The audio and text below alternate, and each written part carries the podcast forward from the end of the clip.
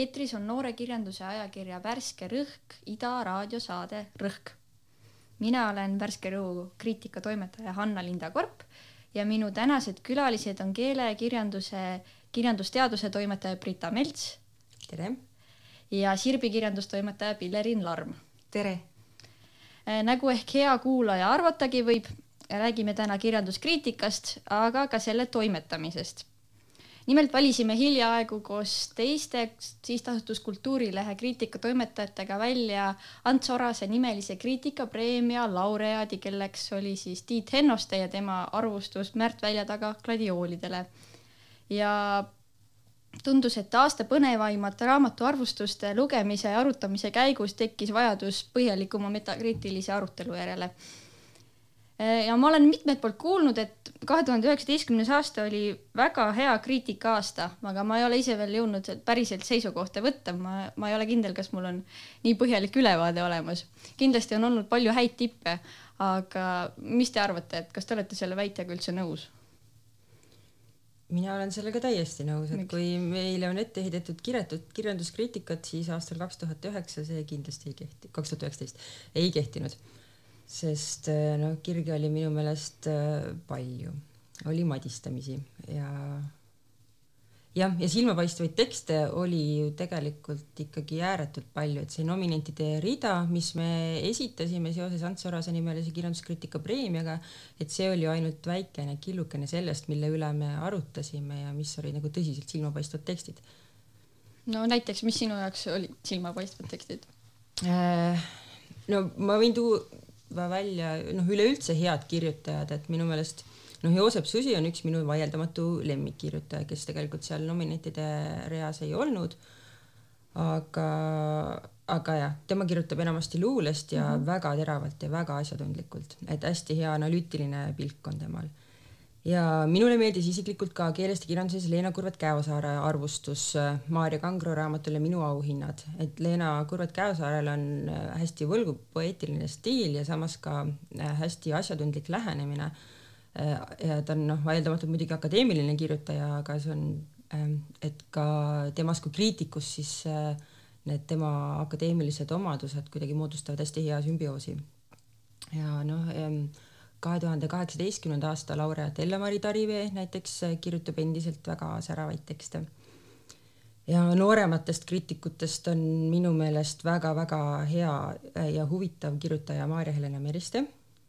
tal on minu meelest huvitav stiil ja tema vaatepunkt on hästi asjatundlik mm. -hmm olen samuti nõus, et kriitika aasta oli tummine just sisukate tekstide poolest, aga ma lisaksin ka peale selle, et on olnud asjatundlikke käsitlusi palju, niisugused äh, säravad äh, stiilimeistrid ja äh, tahaks esile tuua taastulnukat Vilja Kiislerit, kes hakkas küllaltki viljakalt kirjutama ja iga kord niimoodi meeldejäävalt. -hmm. aga loomulikult kõik need kriitikaauhinna lõppvaliku kandidaadid Tiit Hennost, Eneken Laanes, Alvar Loog, Joosep Susi, Mart Velsker, nemadki on kõik klass omaette ja kui tahta neid tummiseid tekste lugeda, siis nendest võiks alustada mm. -hmm. aga kas äh, oli mingisuguseid läbivaid teemasid sel aastal, mida näiteks eelmistel aastatel ei olnud või mis lihtsalt äh, kuidagi on erilisemalt äh, esile tõusnud arvustustes või, või mingisuguseid huvitavamaid nagu lähenemisi, kas, kas äkki on mingi vaatepunkti erinevus toimunud? No igal aastal näiteks sellesama auhinna väljaandmise juures selgub, et on äh, mõned sellised teosed, mille ümber justkui nagu päikesesüsteemis kogunevad äh, tiirlevad tekstid mm. -hmm. ja tänavu üks nendest oli Edahi luulekogu Sõda ja rahutus. samuti Tõnis Vilu luulekogu Libavere ja mm -hmm. tõlkekirjanduse puhul Julian Barnesi romaan Ajamüra, mille on tõlkinud Aet Varik ja väga palju arvustusi pälvis ka Tõnu Õnnepalu mm -hmm. ja no mhm. siis lähtuvalt nende teoste temaatikast omakorda hakkavad äh, korduma mingid teemad, märksõnad ka arvustustes. aga mis tähelepanekud sinul, Brita ei, minu meelest niisugust nagu läbivat teemat ei saa nagu esile tuua, sest see ikkagi sõltub ju jah, just nimelt teostest, nagu sa ütlesid, aga ma ei tea, kas ainult mina tajun seda või, või on see päriselt ka nii, aga et äh, mulle tundub, et et arvustustes üha rohkem käsitletakse teost kui sotsiaalset nähtust mm, -hmm. äh, mitte niivõrd äh, kunstilist äh, üksust. et see noh, seostamine mingite sotsiaalsete probleemide ja noh, mingite tulipunktidega on kuidagi rohkem esil. kas see on äh, hea? või seda on natuke naljakas küsida niimoodi äh,? No see on nii ja naa, minu meelest nagu vahetuskriitikas äh, on ta võib-olla pigem hea, sest ta asetab teose laiale taustale mm. -hmm aga noh, kui me võtame kriitika lugu või kriitika ajalugu, et noh, pikas perspektiivis on sellest võib-olla natukene vähem tolku kui puhtalt nagu analüüsiv tekst mm. -hmm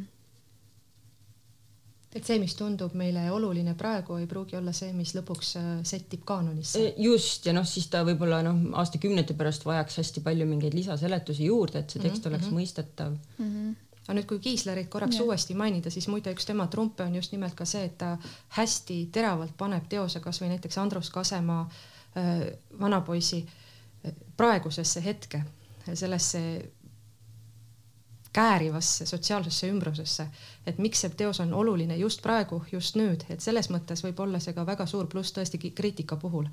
-hmm. et me ei tea, kas see on Kasemaa tähtteos, kas see on saja aasta pärast kirjanduslugudes, aga praegu sel aastal see näitas midagi väga palju meie endi ja ühiskonna kohta. jah, ma olen nõus jah, et selle raamatu kohta kirjutades ma kirjutasin ise ka ju arvustuse, on väga lihtne jõuda sotsiaalsele tasandile, ühiskondlikule tasemele ja kui nagu ei jõuaks, siis oleks nagu jamast, sest et see räägib nii palju meist kõigist.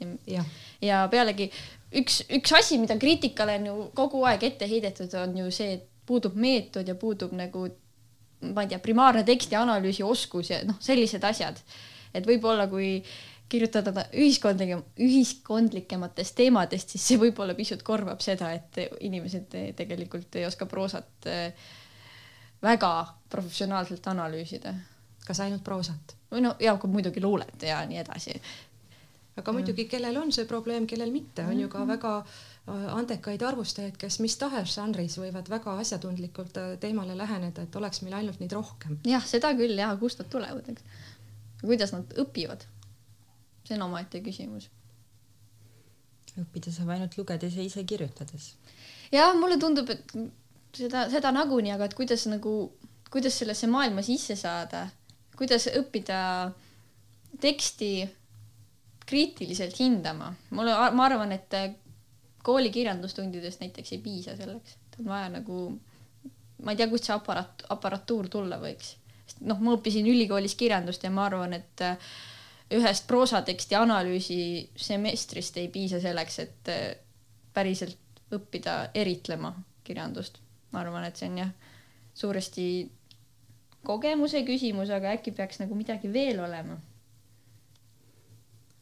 mina arvan, et või noh, minu enda juures oli küll see, et kui ma hakkasin nagu kirjanduskriitika üle mõtlema ja ka selle kirjutamisele mõtlema, et siis ma võtsingi lihtsalt ette tohutul hulgal äh, arvustusi ja hästi süstemaatiliselt lihtsalt lugesin mm -hmm, võimalikult mm -hmm. erinevaid arvustusi, et saada aru, mis asi see kirjanduskriitika on. et see oli nagu selline jah, iseõppimise tee, et seda ei õpetata, noh, sellist nagu praktilise lugemuse kogemust jah, ei õpetata ülikoolis nii väga. ja seda küll jah ilmselt peab olema ka mingi sisemine säde, et miks sa seda tahad teha. mu esimesed arvustused näiteks sündisid äh, sellest, et äh, lugesin väga äh, isukalt teiste kirjutisi, lugesin ka neid samu raamatuid, mida arvustajad olid lugenud ja kogu aeg leidsin, et äh, ma saan asjadest täiesti teisiti aru ja püüdsin endas selgust luua, miks ma nendega ei nõustu, püüdsin sellega paberi peal lahti kirjutada ja siis äh, söandasin saata kuhugi mm. -hmm.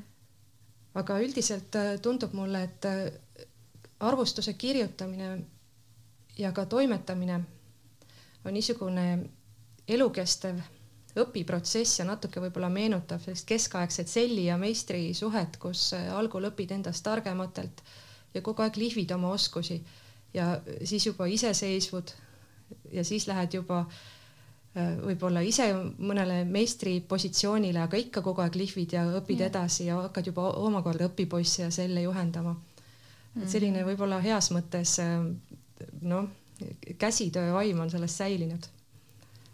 jah, see on jah, üks tõesti üks koht, kus on käsitöö vaim säilinud ja see õpetamise osa samamoodi jah. ma olen nõus, mina sain ka samamoodi kriitikuks või ma ei, tegelikult ei tea, kas ma oskan ennast kriitikuks nimetada, ma olen nagu arvustusi ikka võrdlemisi vähe kirjutanud tänu sellele, et ma üldse sain toimetajate käest teada, kuidas see asi tegelikult käima peaks ja kuidas, kuidas see olla võiks. aga mm, võib-olla peaks kuidagi rääkima ka sellest, et mis üldse on kirjanduskriitika, et kitsas mõiste on, eks ole, raamatu arvustus, mis on ilmunud mingisuguses väljaandes, kas Kultuurilehe väljaandes või Päevalehes või Postimehes, aga laiemas mõistes võib olla arvustus ka äh, mingi paroodiline tekst või Goodreadsi sissekanne või, või raamatu tutvustus isegi võib olla mingis mõttes arvustus, eks, aga no aga millest me siis räägime, kui me räägime üldse kirjanduskriitikast? nii avar äh, määratlus, nagu sina andsid, see on pigem nagu kajastus, et see võib-olla noh, kirjanduskriitika all ma arvan, me mõistame ikka konkreetset arvustusteksti mm, -hmm. Mis ei ole noh, lihtsalt selline sisututvustus, et noh, no klassikaliselt on sellel kolm komponenti, eks ole, et on kirjeldus, tõlgendus ja hinnang. et äh, jah, et igasugune nupukene tutvustav tekst, see ikkagi noh, võib-olla ei ole päris arvustus mm. -hmm aga kas ta on kriitika mm,? no jah, et mina arvan, et ei ole aga võib vastu vaielda, et igasugune kajastus ei ole kriitika. Ja kindlasti tuleb vahet teha, kas see raamatu tutvustus on äh, kirjastuse promotekst või selle on kirjutanud keegi erapooletu inimene. et promotekstid näiteks, mis ilmuvad äh, mõne ajalehe tasulisel küljel, te leiate need identsena ka raamatupoe lehekülgedelt Äh, need ei ole kriitika. Need ja. on pigem reklaam. jah, aga kas on, mõned inimesed arvavad, et see on kriitika või? võib-olla mõned tõesti arvavad mm. -hmm. no vot, siin võib-olla tuleb eristada kriitikat ja retseptsiooni.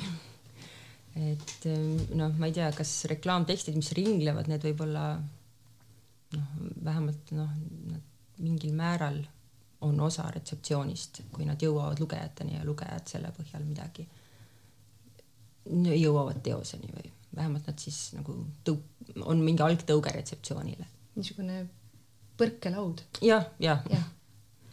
mm. -hmm. Aga samamoodi ka arvustus tegelikult on üks osa suurest retseptsiooniväljast, et seal ja. võivad olla, eks ole, ka intervjuu, seal võivad olla vestlusringid, mis tahes selle teemaga seoses ja isegi pildi allkirjad võivad mõnes ajalehes anda päris palju infot selle kohta näiteks, kuidas toimetaja võtab hoopiski seisukoha selle teose suhtes. jah, seda küll jah, tõsi ma olen nõus. aga kuul, kui, kui me võtame mm, kriitika, kui me peame kriitika all silmas ühte sellist korralikku raamast, raamatu arvustust ja hetkel ei pea silmas Goodreadsi sissekandeid või raamatu tutvustusi, siis mis, mis peaksid siis selle korraliku hea arvustuse tunnused teie meelest olema? milline on üks hea arvustus? no kõige lihtsam on äh, minna nende formaalsete tunnuste õnge, et on infokastikene ja sageli ka raamatu pilt juures. Aga samamoodi võib täiesti infokasti vaba näiteks esseistlik käsitlus olla samamoodi arvustuse mõõtmetes. Ma arvan, asi on ikkagi sisus, et kirjeldus, tõlgendus, hinnang, nagu Brita ütles, on põhikomponendid, sellele on paljud viidanud. ja samamoodi ka need ei ole tingimata hädavajalikud mm. -hmm. mul sellist selget retsepti on raske anda. jah, ja minu meelest, et see noh, heas arvustuses noh, minu jaoks näiteks see hinnangulisus ei, ei peagi esile tulema noh, lihtsalt noh, hea-halb skaalal, et see on mhm, liiga ühekülgne, igav. Et kui see hinnangulisus tuleb esile kuidagi noh, siis põhjenduste ja siis äh, teksti äh, Äh, kuidagi veenva kujundlikkuse ja noh, väljendussuutlikkuse tasakaalus ja siis ka noh, teose eesmärkide intuitsiooni tabamises, et et selline on nagu huvitav arvustus, et mitte selline, mis nagu lihtsalt noh, kirjeldab teose ära, natukene tõlgendab ja siis ütleb kokkuvõtteks, et kas see siis on hea või. aga kui kirjeldav ja pisut tõlgendav arvustus on kirjutatud lihtsalt väga huvitavalt ja poeetiliselt, mida võib näiteks öelda Moodlumi arvustuste kohta võib-olla mõne teise veel, mul on ka üks autor, kes kirjutab alati sisukokkuvõtteid, aga need on nii põnevalt kirjutatud, siis, siis on ka ju nagu äge tegelikult ju, ma ei tea. no ta võib tekstina olla äge, aga kas ta ka arvustusena äh, midagi ütleb mm? -hmm et minu meelest kriitika üks võib-olla kitsaskohti ongi äh, sõnavaht ja, ja tühja, tühjalt nämmutamine, et noh, teksti on küll ja teksti on hea lugeda, aga ta ei anna nagu sisuliselt selle raamatu kohta midagi. võib-olla see ongi oluline, et äh, arvustus äh, enamasti lugeja huvi silmas peab, ta aitab lugejal teost mõista ja nautida, nagu on öelnud Eliot, ta samamoodi annab tagasisidet autorile, kuigi enamasti see ei ole prioriteet, sest autor nagunii ei saa enam tagantjärgi sellest teosest palju muuta. ja võib-olla, mis on oluline, et ta aitab mõnes mõttes mõtestada kirjandusvälja, mis selles toimub, samamoodi ta aitab võib-olla natukene asetada teos selle autori enda loomingu kaarele. et niisugune laia lugemusega kirjutaja kontekstiloome, ma arvan, on arvustuse puhul ka oluline. jah, aga kui palju meil selliseid kirjutajaid on, kes sellistele tingimustele vastavad? vähemalt viis. no nimeta need viis. ma nimetasin nad enne, kui äh, Ants Sarase nimelise kirjanduskriitika no. auhinna nominendid. noh, seda küll. ja pikas nimekirjas oli meil vist lausa kaheksateist äh, nime, mis ei kuulu küll avalikustamisele, aga annab aimu, et äh, kirjutajaid on üksjagu, aga nad kipuvad olema kõik väga koormatud, sest äh, nende kõigi puhul arvustamine on niisugune ühiskondlik töö, mida nad teevad põhitegevuse kõrvalt mm. -hmm. ja kes ei tahaks, et kirjutaks näiteks Tiit Hennoste Tiit Ennoste on ise ka öelnud, et kõik väljaanded peale ühe, millest seda vanusepiirangu tõttu ei sobi, temalt ka kaastoid tellivad ja noh, ilmselt ta küllaltki sageli peab eitavalt vastama, sest et ka tema ööpäevas on ainult kakskümmend neli tundi. ja küllap ei, kui kogu aeg kirjutada arvustusi, siis see vorm võib püsida, aga, aga võib-olla iga arvustus ei pruugi nii tasemel olla, mõne, mõne arvustaja kohta võib küll seda öelda, ma arvan, kes on tõsi liiga ja. palju kirjutanud. settimise ei jää, et kui nagu järjest muudkui toodab mm -hmm. tekste yeah jah, aga mis ma tahtsin veel nüansseerida enne Pillerini juttu, et, et see, et milline, mis siis on arvustus, et et just, et ta ei ole ainult nagu selle autori ja, ja noh, arvustuse autori ja teose autori vaheline asi, vaid et ta ka lugejale kuidagi mm -hmm. nagu lähedale jõuab. et see on oluline. jah. et siin on jah see, et noh, oma isikliku vaimukuse kuidagi hoolimatu nagu esiletõstmine, et see arvustus ei ole koht, kus seda teha. aga hoolivalt? hoolivalt võib jah sest noh, ikka lõbus peab ka olema, aga nii, et see ka lugeja jaoks oleks, mitte ainult äh, arvustusautori või teose autori jaoks.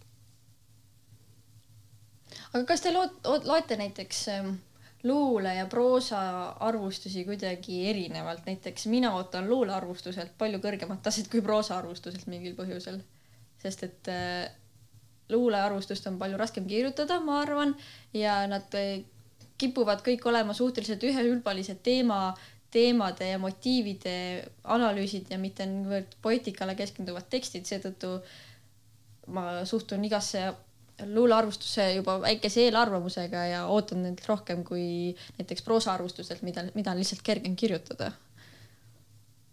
ei, mina ei tee vahet.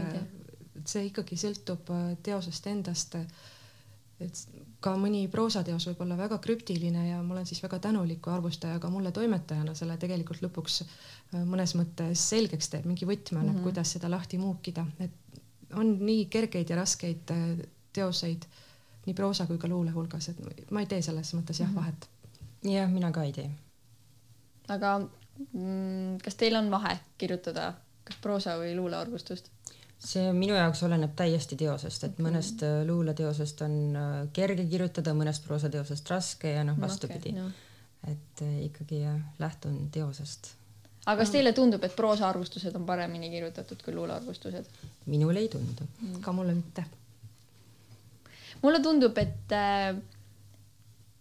et proosaarvustuses äh, ütleme niimoodi, et luulearvustuses on äh, minu meelest selgesti näha see, kui äh, arvustajal ei ole aparatuuri, metoodikat ja nii edasi, aga proosaarvustuses võib see natukene ära kaduda, näiteks kui sa kirjutad ühiskondlikumalt või sotsiaalsemalt või midagi sellist, leiad mingisugused teised rakursid, mille alt äh, raamatule läheneda. võimalik. eriti loomulikult see aparatuuri puudumine äh, on nähtav niisuguse heas mõttes klassikalise luule puhul, millel on veel värsitunnused mm. -hmm. just, just jah. et seda tõesti oskavad tänapäeval kahjuks vähesed analüüsida. ja üks minu lemmikutest eelmisel aastal oli näiteks äh, äh, Verlaini revolvri arvustus keeles ja kirjanduses, mis oli lihtsalt super. lihtsalt tipp. Rebecca Lotmani tekst jah mm -hmm et selliseid asju ilmub harva ja juba sellepärast ilmub harva, et tegemist ei ole päevakriitikuga ja, aga minu meelest siin tuleb mängu ka see väljaannete vahe, noh, sest sellist puhtalt poeetika analüüsi, ma ei tea, kas tahetakse lugeda näiteks Sirbist või, või Päevalehest või? no Päevalehest vast mitte, aga Sirbist teinekord ju võib jah, ega ma ei keelduks selle avaldamisest mm. -hmm.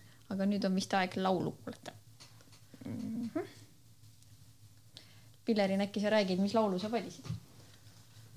laul on äh, valitud äh, seoses eelmisel aastal palju kõmu tekitanud Eda-Ahi luulekoguga Sõda ja rahutus. teos sai kevadel Eesti Kultuurkapitali kirjanduse sihtkapitali aastapreemia ja siis seejärel äh, vallandus nagu me juba mainisime, kirglik poleemika, see oli üks peamine kireobjekte ja eriti paistsid silma Alvar Loogi ja Joosep Susi käsitlused, mõlemad olid ka kriitikaauhinna kandidaadid. aga luulekogu ise on sündinud pea, teatavasti peaasjalikult Ukrainas. ja nüüd, kui vaadata kirjastuse äh, koostatud tutvustust, siis öeldakse, et see teos on kaunis ja metsik kui pika okkaga punane roos.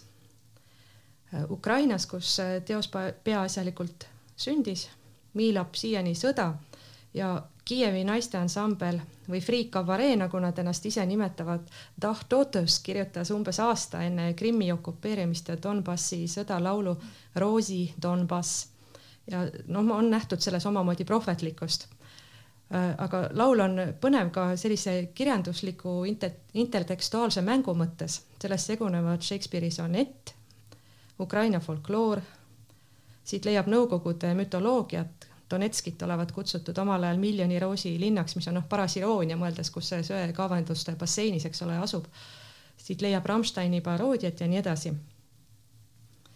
aga nagu öeldakse selles samas äh, Shakespeare'i sonetis, mille teemal siis laul äh, mängib, mängitleb, mis motiive ta kasvatab edasi, siis ilma okasteta roosi ei oleks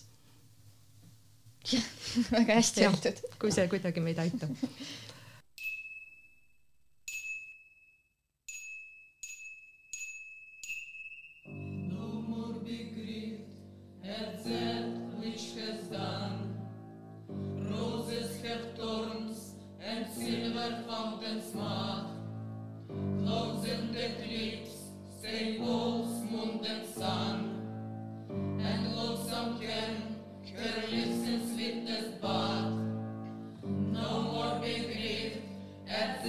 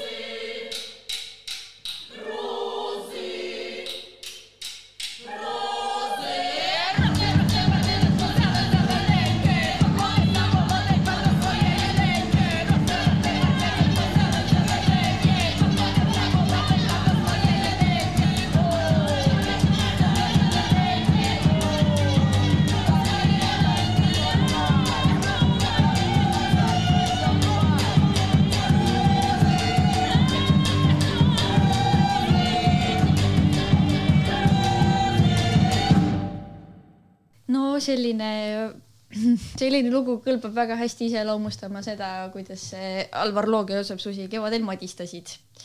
lugu oli siis selline, et Eda Ahi pälvis siis Kultuurkapitali aastapreemia oma Sõja ja rahutusega ja järgneval päeval vist või ülejärgneval päeval. järgmisel. järgmisel päeval kirjutas äh, Alvar Loog Postimehe kultuurikülgedele äärmiselt laitva arvustuse selle teose kohta ja tõi välja, et äh, mis ta nüüd täpselt tõi välja, et, et see mitte, et ei kõlba päris kuhugi, aga et see ei ole absoluutselt sellisel tasemel, millele võiks anda Kultuurkapitali aastapreemia. Ja umbes vist oli järgmisel nädalal, kui Sirbis ilmus Joosep Susi vastulause Alvar Loogile, kus ta tõi siis väga peenelt välja, minu meelest väga peenelt, eh, kuidas tegu ikkagi ei ole nii halva raamatuga ja analüüsis ühe luuletuse kaudu seda, miks on sellel raamatul mingisugune väärtus. loomulikult ta tõi välja ka mingisuguseid kitsaskohti, aga, aga lõpuks ta jõudis ikkagi välja selleni, et, et et Alvar Loogi etteheited sõjale ja rahutusele ei ole nii pädevad. ja sellele järgnes siis Alvar Loogi järjekordne mm, vastulause Postimehes, kus ta vaidles Susiga sellel teemal, et kas, kas ta ütles midagi sellist, et luuletunnuseid ei saa ainult määratleda kas ma panen millegagi mööda praegu, aga täpselt ei ole meeles, aga et, et, et, et, et noh, ta põhimõtteliselt ütles ka seda, et, et Susil ei ole ka õigus, sellepärast et ainult niimoodi luulet lugeda ei ole ka ainuõige, et mm -hmm. on palju erinevaid luule lugemise viise mm. -hmm. minu meelest on see selline mõnus mõnus ideoloogiline probleem, mille otsa nad sattusid lõpuks mm. -hmm. ja jõudsid lõpuks arusaamisele, et iga lugemine on paratamatult mööda lugemine.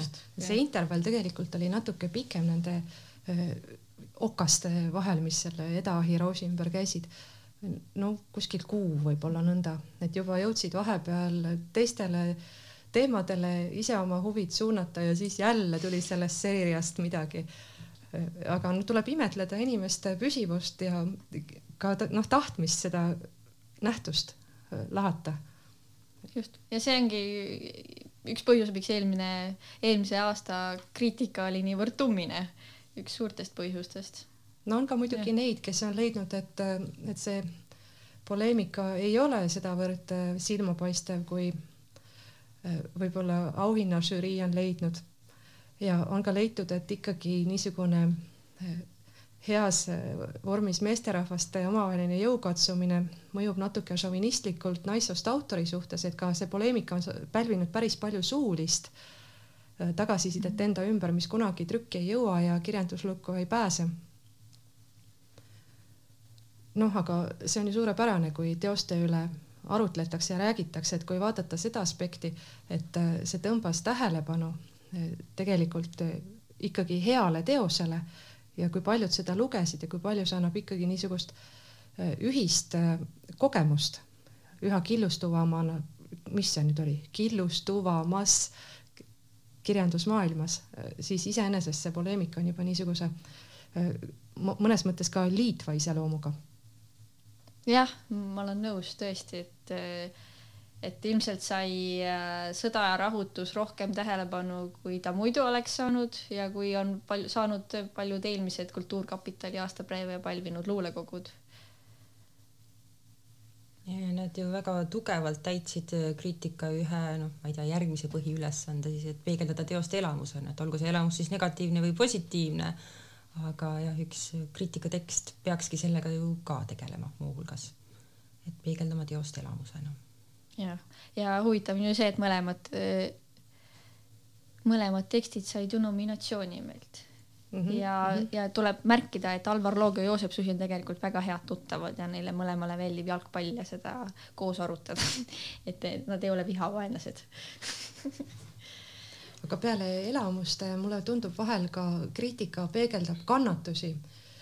ja see on halb kombinatsioon mulle tundub kaastöid tellides või ise neid vahel kirjutades, et on väga ebamugav teha seda juhul, kui teos lugedes ja süvenedes osutub vastumeelseks ja siis kohusetundlikult jääda paigale nagu näiteks teatrikriitikud, kes on sunnitud ikkagi lõpuni püsima saalis ja aru saama, miks see lavastus ei ole neile sümpaatne ja miks ei ole hea.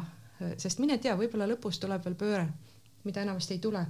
aga minu kannatus kirjanduse puhul või mis tahes arvustaja kannatus kirjandusteose puhul kestab ju võib-olla päevi ja nädalaid, et selles mõttes see, see kannatuskriitika võib olla väga-väga piinarikas ja võib-olla oleks mõnes mõttes õige siis selles olukorras loobuda arvustamisest, aga ei saa, sest sa pead ikkagi ka samamoodi jõudma selgusele, miks see teos ei ole mulle sümpaatne.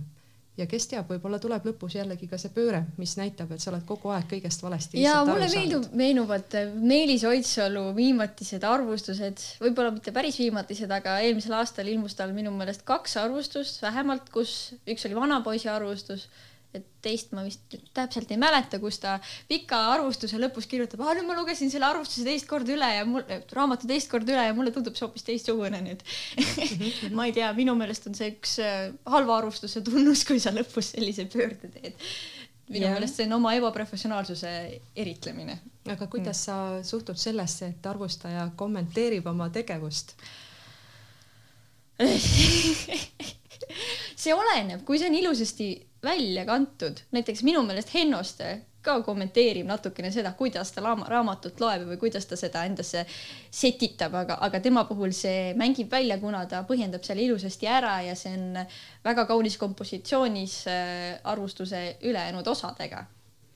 See on väga kõrge professionaalsuse tunnus ja. juba minu meelest. Enamasti ei kuku see hästi välja, kui arvustaja äh, kirjeldab oma kirjutamisprotsessi või kuidas ta selle teoseni jõudis ja mis ta siis sellega peale hakkas, et see on lihtsalt igav lugeda. aga et kui see hinnang või noh, algne hinnang teose suhtes on negatiivne, et siis äh, minu meelest huvitavas või heas arvustuses äh, võiks olla siis ka see noh, teose mõista püüdmise protsess või see katse sellele teosele läheneda ka kuidagi esil et isegi kui tulemus on negatiivne, et siis lugejana on huvitav jälgida seda mm, -hmm. et äh, kuidas ta on siiski püüdnud sellele teosele läheneda. ja mulle ka tundub, et äh, paljud väga head arvustused äh, on head just sellepärast, et kriitik on selgelt sõnastanud selle, mida ta nüüd selle raamatuga pihta on hakanud või kuidas, kuidas ta on sellest aru saanud, näiteks Leo Luks teeb seda minu meelest iga kord ja Hendrik Sova tegi ka Libavere arvustuses ja. niimoodi -hmm., võib-olla see mingi filosoofide värk no neil on hästi selge ja konkreetne selline hinnangulisus alati olemas, et jah, nende, neid mõlemaid kriitikuid on ka väga hea alati lugeda, et neid ma enne esile ei toonud, aga nad on ka mõlemad ühed mu lemmikud. näiteks Leo Luksi arvustus eh, poeetiliselt korrektse kohta, mis ilmus Sirbis nüüd mitte väga kaua aega tagasi, eh, oli varustatud lausa tabeliga, kus ta tõi välja, kuidas poeetiliselt korrektses olnud, äh, ma ei tea, mis need on siis, kalambuurid äh, äh, sarnanevad või erinevad eelmistes kalambuurikogudes või mhm, kuskil mm -hmm. ilmunute kalambuuridega ja see näitas nagu nii selgelt ära selle tema väite, et miks see teos kõlab kulunult mm. -hmm. et ta nagu lihtsalt ei öelnud, et tüübid te kirjutasite igavasti, igavalt, vaid et ta nagu näitlikustas väga selgelt ära, miks see niimoodi oli, jah. nõus. et ma ei tea, kas sellist, sellist teksti on vist äh, lust toimetada ka? ei, seda ei olnud sugugi lust toimetada, sellepärast et äh, tegu oli ka väga otsekohese arvustusega. et mitte öelda kohati äh, võib-olla natuke liiga otsekohese arvustusega. Ja siis äh, tärkab toimetajas kaastunne objekti suhtes. et kas mitte ei peaks äh, mõnda ütlemist mahendama, sest ega ju eesmärk ei ole kalambuuritsemise isu kellelgi ära võtta, eesmärk on lihtsalt osutada, et mõned naljad on juba varem avaldatud kuskil mujal, ärge neid enam korrake jah, ja üks asi, mis tal sealt puudu siiski oli, oli see, et äh, ma arvan, et selle kogumiku lugejad ei ole ilukirjanduse igapäevased tarbijad. Ja neid eh, kalambuure üldse võetakse vastu hoopis teisiti, kui me võtame, meie loeme luuletusi või mm -hmm. proosat, et see on väga tihti on ju see kuskil Instagramis mingis pikas voos kuskil mingite piltide vahel on üks kalambuur. Ja mm, -hmm. ja et see nagu see vastuvõtmise hetk on hoopis teistsugune, järelikult see ei peagi niivõrd originaalne olema, sest et ta peab tollel hetkel selles Instagrami lõputus või Facebooki voos peab lihtsalt hetkeks mõjuma originaalsena ja see mõjub nagunii originaalsena mm -hmm. mingite kassi ja toidupiltide vahel. et mhm. see aspekt jäi tal kahjuks jah täiesti kõrvale ja seda oleks pidanud, pidanud sisse tooma, see just see interneti teema. aga kui mm. nüüd see interneti äh, selline spetsiifiline ilmumistemaatika kõrvale jätta äh, või siis ka selline inimliku kaastunde faktor, äh, siis on lust alati toimetada lugusid, mis on selgelt kirjutatud. Neil on algus, neil on, eks ole, see raam, mille, mille abil nad lähenevad teosele ja nad lähevad seda, selle raami sees lõpuni välja. arvustuses on mingi lugu. Ja see kõik on kirjutatud korrektses, puhtas eesti keeles, et niisuguste ähm, grammatiliste raskuste otsa nagu mõnikord kindlasti Leo Luksi tööde puhul komistada ei tule mm. -hmm jah, minu meelest iga hea arvustus on ka noh, terviklik ja, ja nauditav lugemispala, et noh, mitte ainult, et ta siis ei ole nagu kriitikatekst, vaid ka lihtsalt lugemise pala. küllalt sage on ju see, et äh, mõnes loos tuleb näiteks äh, selle loo enda kordusi välja äh, lõigata äh, või vähendada, et ei ole vaja ühte sama asja öelda kolm-neli korda et äh, siis nende heade arvustuste puhul seda probleemi kunagi ei ole. ja, ja, ja see tuleb puhtalt kirjutamise kogemusest. kindlasti. et äh, äh, Loogi ja Susi poleemika kindlasti mõjutas kriitika välja ja kultuuri välja palju, aga kahtlemata mõjutab äh, kriitika välja ka see, kes on kriitikatoimetajad äh,. mida kriitikatoimetajad millest kriitikatoimetajad arvustusi tellivad ja kes kirjutavad ja nagu toimetan seega nagu mingi äh, salapärane töömesilane, keda, keegi ei näe ega tea, aga kes teeb hämmastavalt palju ära, et Eesti kirjandus säiliks või midagi sellist, et äh, kuidas teist sai toimetaja? täiesti kogemata, juhuste kokkulangemise tõttu ja no eks ikkagi tutvuste kaudu mina olen kuidagi kujunenud toimetajaks. ma ei mäleta, millal esimest korda ma kellegi lugu olen pidanud sõbramehe poolest aitama lihvida. aga praegusele töökohale ma kandideerisin umbes kuus aastat tagasi ka minust sai täiesti juhuslikult toimetaja ja mulle tundub, et naljaga pooleks, et see on nagu mingi jumalast antud amet, et see kas tuleb sulle või ei tule. võimalik. mida? ja see, kas sobib sulle või ei sobi, sest noh, eks ta igale ühele ei sobi, aga noh, eks toimetajaks võib-olla ei saada ka noh, kohe, kui sa hakkad seda tööd tegema, vaid see äh, töökogemus ja see pidev noh pidev tekstidega töötamine, et see on nagu see, mis kujundab inimesest toimetaja tegelikult, ega esimeste tekstide toimetamisega sa kohe ei ole. kindlasti ei ole. ma arvan, ma ei ole siiani päriselt õige toimetaja, veel ikkagi kogu aeg ka kasvan ja õpin ja ma loodan, et ma kunagi võin ennast südamerahus toimetajaks nimetada, et ikkagi on kogu aeg tunne, et midagi oleks veel vaja õppida ja ikkagi avastan nii palju põnevat teiste vanemate ja ka nooremate kolleegide tööst jah, meil hiljaaegu oli juttu ka sellest, et, et toimetamist ei saa koolis õppida, et see tuleb ainult kogemuse käigus. jah mm.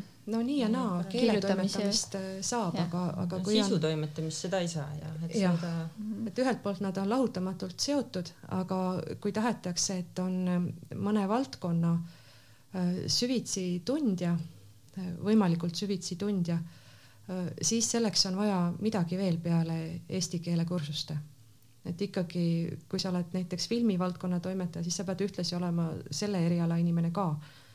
või kirjanduse puhul pead olema kas saanud ülikoolis vastavat haridust või siis kuidagi muul moel kirjandusringkondades ja kirjandusväljal raamatute avaldamise kaudu, no mingil moel ikkagi seal juba ka sees, et päris nagu täiesti kõrvalt erialalt tõenäoliselt ei tulda kriitik, kirjanduskriitika toimetajaks. ja eks selleks ole vaja ka mingeid teatud isikuomadusi, et noh, sul peab olema noh, keeleline intuitsioon, ma arvan, päris hea ja noh, tekstiloogika taju, et mm. -hmm. aga see tuleb ainult lugemisest ja,. jah, jah, ja ise kirjutades ka, see ka õpetab aga kas teil on samamoodi nagu minul, et eh, arvustuse kirjutamine on kohati piin seetõttu, et, et sa tajud kohe ära enda arvustuse kitsaskohad, mida sa ise, ise nagu toimetades alati märkad?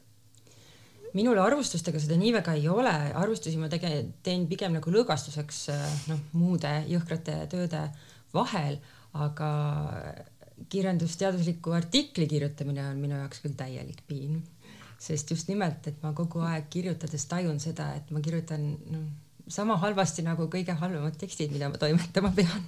mul on arvustusi kirjutades selline tunne ja siis, kui ma olen arvustuse ära saatnud, siis ma olen täiesti kindel, et keegi ei avalda seda, sest et ma ise ka ei avaldaks seda ja mul ei ole nagu mingi väga peen ajakiri, aga siis mõned, mõned kuud hiljem lugedes tundub, et ei ole hullu, ei ole hullu, et sihuke norm, pole häda midagi ma kirja, kirjutades ei piinle, ka pigem lõõgastun, aga lugemine võib küll olla jah, mõnikord piin, kui teos ei vasta ootustele. jaa.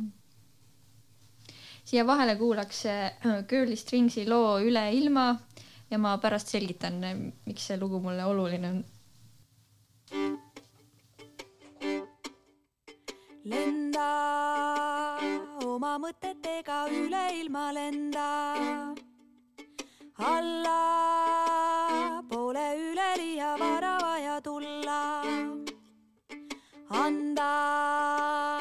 täpselt nõnda palju, nagu sul on anda. kanda, võta nõnda palju, nagu jõuad kanda. sa lenda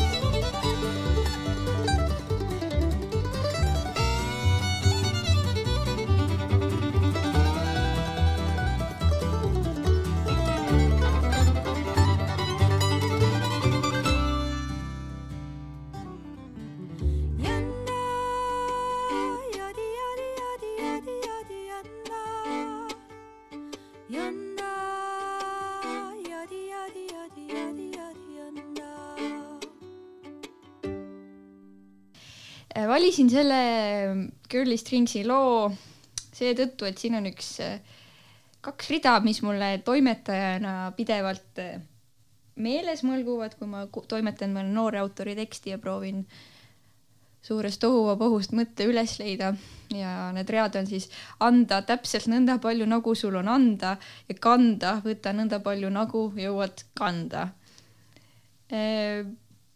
ma mõtlen selle all seda, et mm, ilmunud tekst on ilmselt toimetaja ja arvustaja teatavas mõttes ühisloome, eks? sageli. sageli.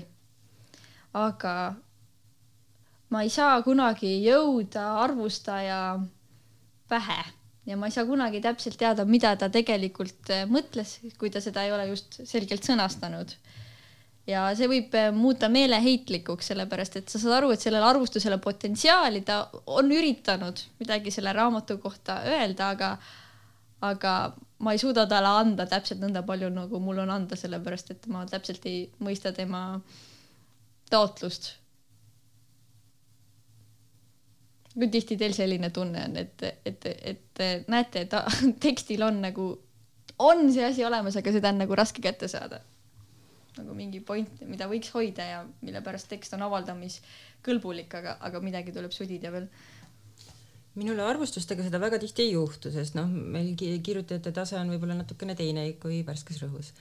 aga noh, artiklitega juhtub seda küll, et kui noh, sisuliselt on hästi huvitav ja noh, noh, hea teema lähenemine, aga noh, see on kuidagi mattunud kõik mingi tohutu sõnavahu alla ja, ja noh, ka teksti loogika võib-olla ei ole päris paigas ja et noh, siis tuleb ikkagi väga palju kurja vaeva näha, et tekstist saada selge artikkel. aga see meeleheitele ei aja kuidagi või?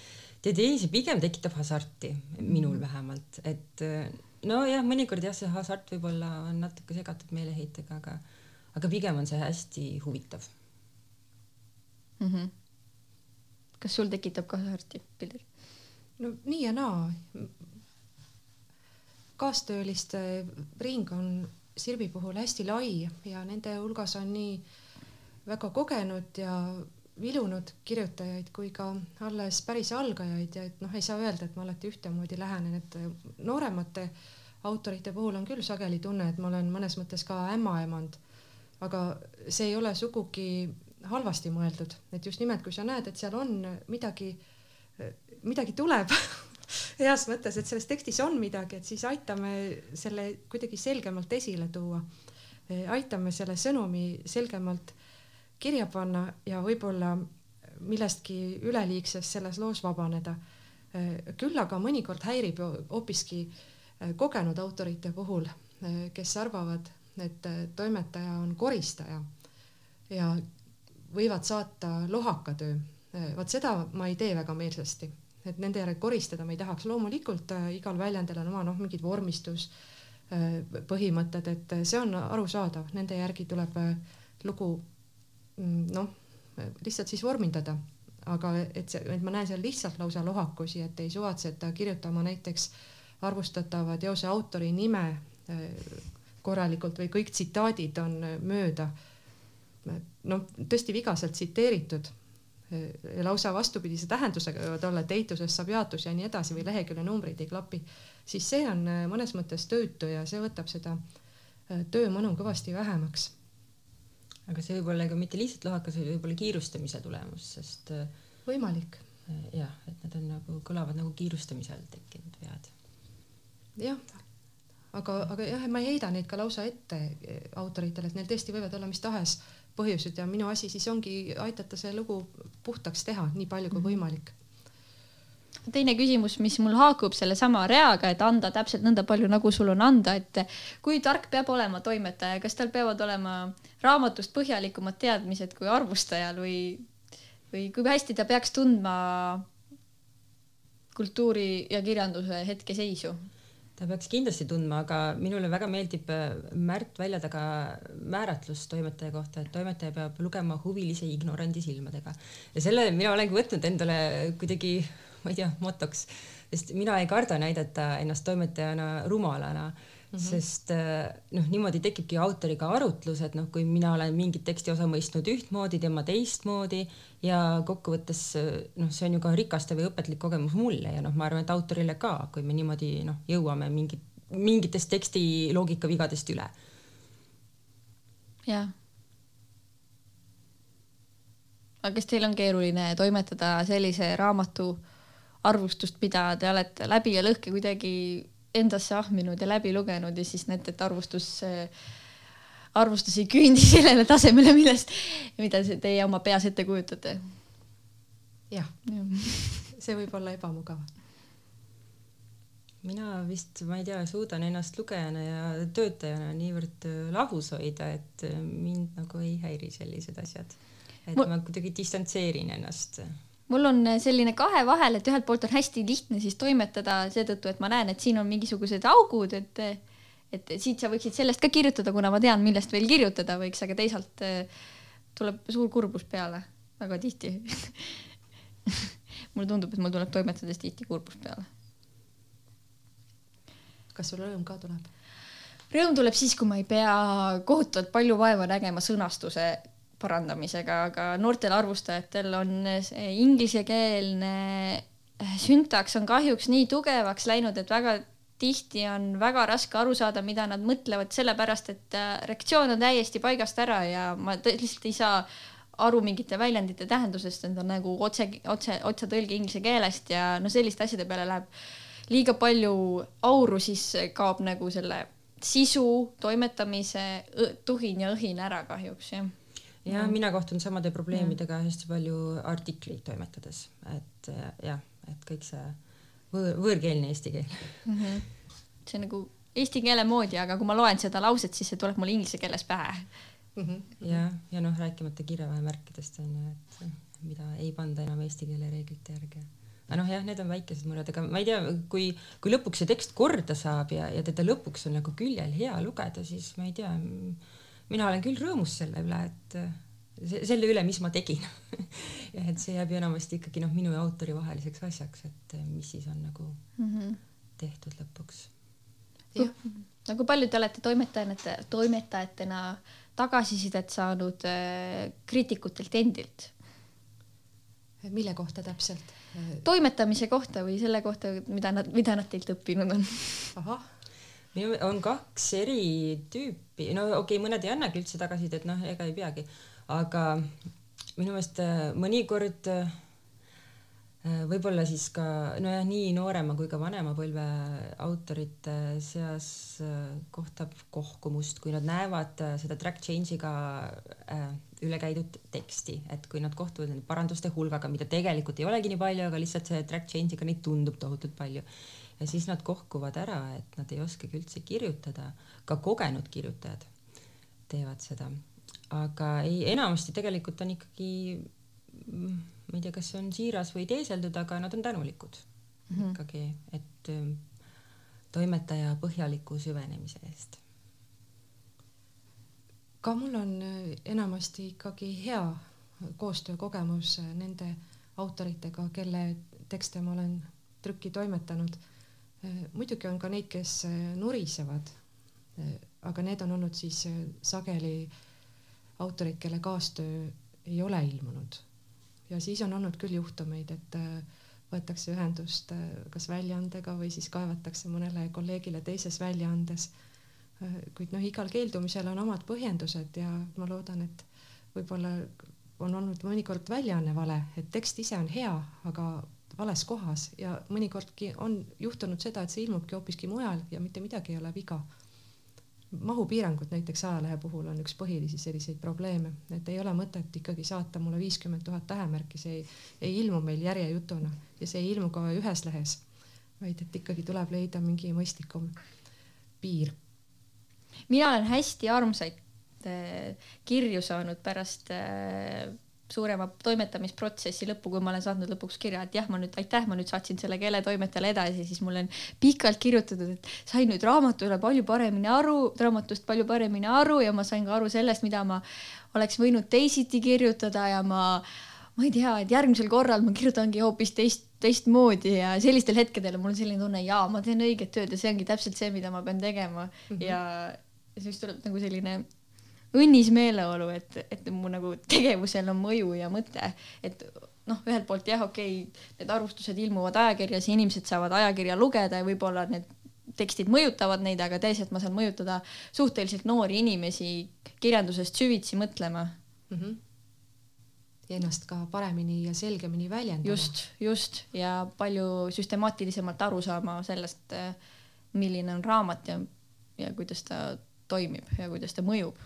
Sest et meil värskes rõhus on palju selliseid mm, arvustusi, mis ikkagi eritlevad seda mõju lugejale ja minu meelest see ei ole halb, sest et võib-olla sellest saab alguse analüüs ja lõpuks süntees, kui inimene mõistab enda mõju, mõju, mõju endale lihtsalt seda, sealt tuleb jõudma, jõuda, aidata neil jõuda kuidagi objektiivsema analüüsini. Üldiselt äh, siiski nüüd, kui need mured ja rõõmud kõrvuti panna, äh, siis äh, mu emotsioon enda puhul autorite suhtes on üsna sarnane kui see, mida nemad mulle on tagasi peegeldanud, et ikkagi see on enamasti meeldiv koostöö ja ka mina olen neile samamoodi tänulik, nagu on olnud, oldud mulle tänulik, et, et ka mina õpin ju toimetajana väga palju tänu nende töödele. Et see ja. pedagoogiline aspekt ja võib-olla meistri ja õpipoisi suhe toimib kahes suunas. just, just. Ja sellepärast ongi toimetaja töö nii tore, sest see on kogu aeg erinev. ja, ja et iga tekst on ju nii erinev. rutiini tekkimine on küll harv nähtus tõepoolest. aga nüüd on meil jäänud ainult kaks minutit aega ja selle kahe minuti jooksul palun öelge mulle, mis oli teie eelmise aasta suurim lugemiselamus. Vahet pole, kas tegu oli ilukirjandusliku teose või hoopis üksiku tekstiga või arvustusega. Mina tahaksin kohe esile tuua arvustuse, et kuna me siin kriitikast alustasime, et minu kõige viimane äh, nagu selline vaimustus äh, kirjanduskriitikast oli Joosep Susi arvustus Rebecca Lotmani doktoritööle Eesti sonett et see on äh, minu meelest võrratu näide sellest, äh, kuidas siis akadeemilise kirjandusteadusliku teksti akadeemiline analüüs, et võib olla üks väga võimas ja kirglik tekst mm. -hmm. ma oma eelmise aasta soovitused setitasin väga-väga suurte raskustega välja ja sain neid seitse ja neid ma kordama ei hakka, noh, need ilmusid ERR-i autahvlis.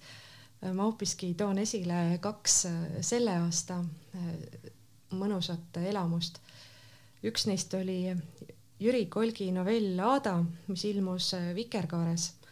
no tõsi, ta läheb veel eelmise aasta numbri sisse, see oli numbri, number kaksteist aga ma lugesin seda nüüd äh, jaanuari alguses ja no see sobib musta huumori austajatele ja see on äh, nii endasse tõmbav tekst, et äh, politseimajas, kus ma ID-kaarti oodates seda lugesin, pidin järjekorranumbri maha magama ja peaaegu oma dokumentidest ilma jääma, sest ma naersin ja puksusin omaette seal pingi peal.